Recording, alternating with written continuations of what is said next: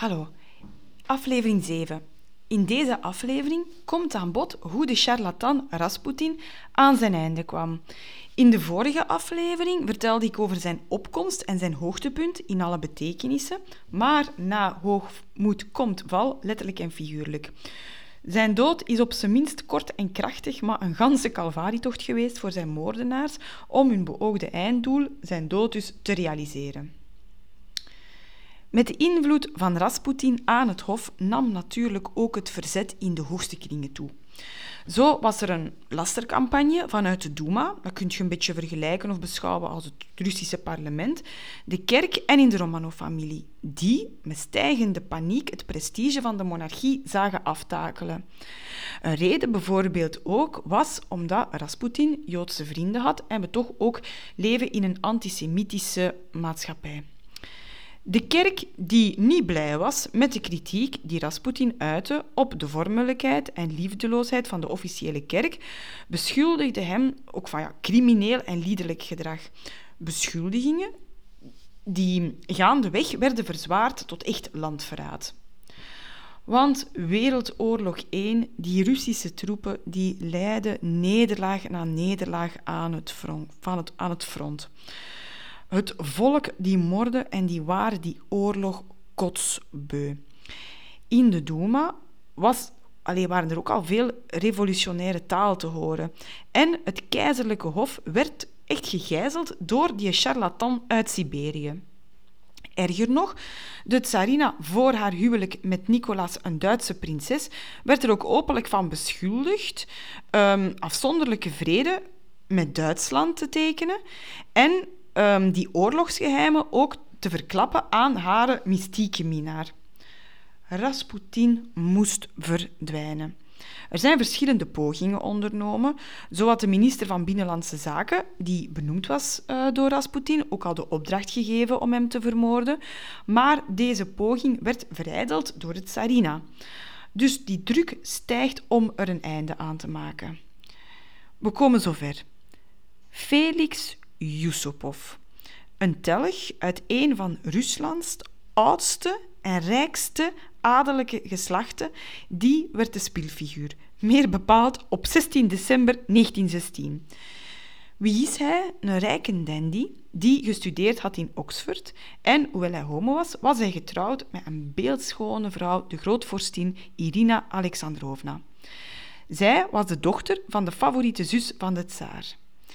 Andere, twee andere vrienden van hem, ook homo, waren ook betrokken in het complot. Ze was zeker niet alleen. Volgens de auteur Orlando Figes had Yusupov na zijn huwelijk Rasputin benaderd met de vraag om hem te genezen van zijn zogezegde seksuele ziekte zijnde, het feit dat hij homo was. Um, maar Rasputin die zou hem in de plaats verleid hebben en dat nam Yusupov hem kwalijk. De rechtse Duma-leider en ook criticaster van Rasputin, Purishkevich, die sluit zich bij hun plannen aan. Yusupov en dus twee vrienden en die Purishkevich die ramen een plan. Die ramen een plan om Rasputin te vermoorden. Wat is het plan? Ze lokken hem naar het paleis van uh, Yusupov met het voorwendsel daar zijn beeldschone vrouw Irina te kunnen ontmoeten. Daar zouden ze hem vermoorden, dumpen hem in de rivier de Neva die door Sint-Petersburg stroomt en zodanig dan kan hij later als vermist worden opgegeven. Zo gezegd, zo gedaan. Rasputin liep in een zorgvuldig voorbereide val. Het is duidelijk dat hij ook een nachtmens is trouwens. Hij arriveert in een wagen van Yusupov na twaalf uur s'nachts. En hij heeft duidelijk moeite gedaan, Rasputin. Hij heeft zijn haar een keer ontvet, is echt gekleed in een outfit die van Van Beirendonk is. Hè, een zwart fluwelen broek, krakende leren laarzen, een wit zijden hemd en een gouden centuur die hij van de tsarina kreeg.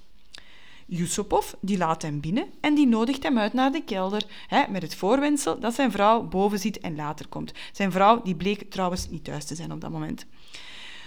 Rasputin die komt niets vermoedend binnen en die ziet daar gebakjes en zijn rode Madeira-wijn staan, zijn lievelingswijn. Maar die gebakjes en die wijn die waren gemengd met kaliumcyanide. Dus die waren vergiftigd.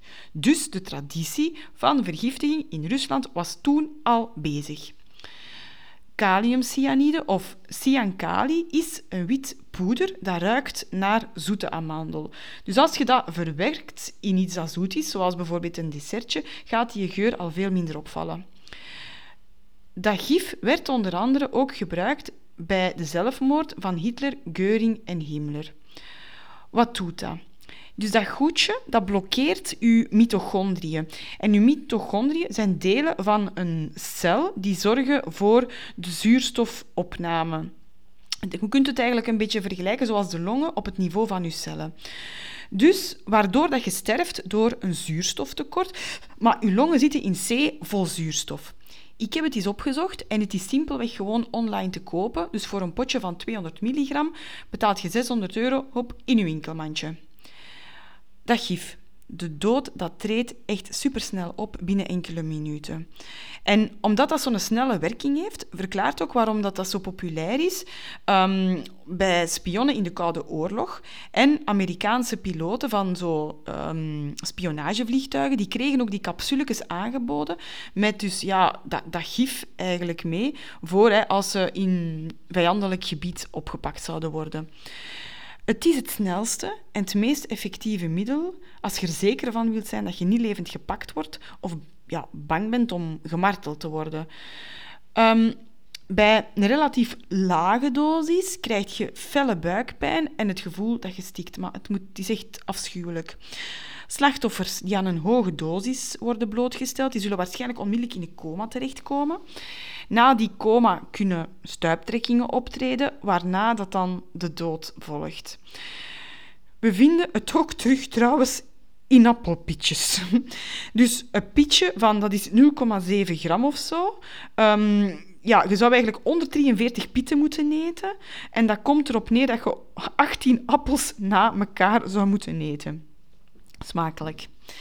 Um, het is dus wel veilig om een appel helemaal op te eten, hè, zolang dat je maar geen hele schaal met gemalen pietjes opeet.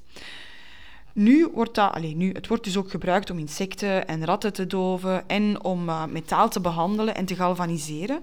Dus uh, in de goudsector wordt het gebruikt om je ertsen uh, te onttrekken. Terug naar het paleis van Yusupov. Twee uur verstrijken en Yusupov die begint toch wel een beetje zijn geduld te verliezen. Want trouwens, eerst um, Rasputin, dat was ook niet zo'n zoetebek, die weigerde zelfs daarvan te eten. Dus Yusupov die gaat zijn gitaar gaan halen en die begint maar uit miserie wat zigeunerliedjes te zingen. Er gebeurde weinig. Rasputin die leek immuun voor het gif. Allee, er wordt ook beweerd dat een aanval met dat gif, dat je dat kunt overleven doordat je jezelf hebt geïmmuniseerd tegen dat gif. Dat is nooit bewezen en is in C ook niet mogelijk, omdat dat gewoon zo'n sterk gif is. Uh, maar Yusupov uh, ja, verliest nog meer zijn geduld en die loopt naar boven om een wapen te gaan halen. Die komt terug naar beneden en die nodigt Rasputin uit om naar zo'n crucix, zo'n kruisbeeld dat daar staat, samen te kijken. En op dat moment schiet hij kogels af in zijn lever en zijn maag. Rasputin valt in elkaar. Dan komen zijn medeplichtigen die, halen, die kleden hem helemaal uit en die pakken die een bontjas mee van Rasputin en die verbranden die. Goed. Yusupov blijft op dat moment alleen met de doodgewaande Rasputin achter, die op een berenvel in zijn living lag uitgestrekt. Plotseling staat hij op, staat of die gript Yusupov vast en die stort zich op Yusupov. Maar Yusupov wist aan zijn greep te ontkomen, die loopt weg, die vlucht een trap op, terwijl Rasputin via een zijingang naar buiten strompelt in de sneeuw. Daar wordt hij verder afgeslagen met een ijzeren staaf. En hij zakt helemaal ineen in de sneeuw. Vlak voor de poort, maar die is nog niet dood. De verlossing, een dodelijk schot in zijn voorhoofd, dat gegeven zou zijn dus door die politieker, door die Perishkevits, die dan de levenloze Rasputin nog een keer een flinke tik met zijn laars op zijn slaap gaf. Het lijk dat wordt gedumpt. Ze dumpen dat in de Neva. Dagen later wordt dat ontzielde lichaam ontdekt, hè, wat honderden meter van waar dat die moord zou gebeurd zijn, compleet vastgevroren in het ijs van de Neva. Het verhaal dat Rasputin nog leefde toen hij in het water werd gegooid, is natuurlijk extra spannend. Maar gelukkig voor Rasputin, helaas voor de geschiedenis, is dat een fabeltje. Ze baseerden zich daarop omdat ze eigenlijk hadden gemerkt dat die longen nog vol, uh, vol water zaten. Dat hij eigenlijk echt door een verdrinkingsdood uh, zou omgekomen zijn. De dood van Rasputin, dat is moord. Hè. Met de wetenschappelijke naam is dat homicide. En binnen de homicide is dat ook een schoolvoorbeeld van de term overkilling. Dus dat je verschillende pogingen en met verschillende middelen uh, onderneemt om iemand te vermoorden. De daders die zouden nooit voor hun misdaad worden gestraft, hè, want ze wisten wel degelijk dat, dat zij het waren. En ja, zij uiteindelijk, zij geloofden dat ze Rusland van de ondergang, ondergang hadden gered. Yusupov, die werd wel verbannen en dat is zijn redding geweest. Omdat de revolutie die daarna uitbrak, uitbrak hem sowieso het leven zou hebben gekost, zijnde het typeke dat hij was. Hij vestigt zich in um, Californië, waar hij ja, in zijn levensonderhoud voorzag door een bestseller te schrijven over de moord. En waar dat hij zelfs nog erin slaagde ja, een, een forse schadevergoeding te incasseren uh, nadat hij een Hollywood-filmproducent had aangeklaagd wegens een zijns inziens ja, je, een foute weergave van de gebeurtenissen op 16 december. Um, ja, nu, Rasputin is er niet meer en hij is ook niet langer een bliksemafleider. En dus de, ja, de misnoegde bevolking die projecteerde hun woede nu vooral op de kroon, de kerk en op de elite. Want Rasputin had meer dan eens voorspeld dat de dynastie zou leven zolang dat hij, Rasputin, leefde. En inderdaad, minder dan drie maanden na de ontdekking van het lichaam tekende Tsar Nicolas een manifest waarbij dat hij afstand deed van de troon. Datzelfde jaar, 1917, stierf hij met heel zijn gezin onder de kogels van een bolsjevistisch executiepeloton in de kelders van het Ipatjev-huis in Jekaterinburg. En ze hebben ook ontdekt dat um, al die lichamen die hadden ook een medaillonnetje op hun van Rasputin. Um, ja, toch even een kritische bemerking. Rasputins leven en escapades die worden natuurlijk ook overdreven. Hè. Dat is eigenlijk een heel sappig verhaal natuurlijk. En zijn een vette kluif om films en boeken over te schrijven. Ook over de ware toedracht van zijn dood bestaan ook verschillende versies. Um, maar eentje dat ik toch nog jullie wil uh, vertellen, dat het het verst vanaf ligt, is een documentaire van de BBC uit 2004. Blijkt dat dat genadeschot is afgevuurd door een agent van de Britse geheime dienst, die in het luxueuze uh, ja, Astoria, Astoria, Hotel in Sint-Petersburg ook verbleef. Hè. Um, een steenworp van Yusupov zijn paleis. Want in het archief van de geheime dienst hebben ze papieren gevonden waaruit dat de betrokkenheid van de Britten bij de moord op Rasputin blijkt. Um, ja, die documentaire van Time Watch was dat. Ja, die ontzenuwt natuurlijk een legende die bijna een, een eeuw heeft stand gehouden. Um, maar ik ga toch uh, afsluiten met een kinky wist je datje of eerder een lulpraatje.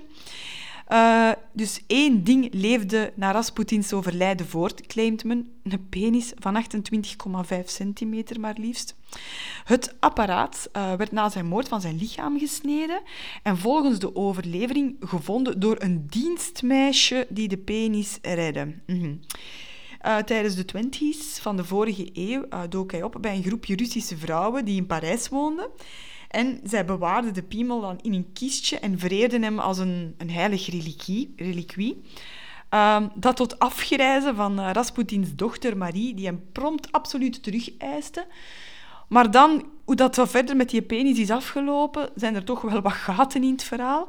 Maar in elk geval, in het uh, Erotisch Museum in Sint-Petersburg kun je het geval nu op sterk water uh, gaan bekijken. Um, en tot nu toe zijn er eigenlijk ook nog geen DNA-testen op uitgevoerd. Um, ik ben al twee keer in uh, Sint-Petersburg geweest, maar toch, zelfs ik had eigenlijk compleet geen interesse om, om dat te gaan bekijken, laat staan dat museum daar te gaan bezoeken.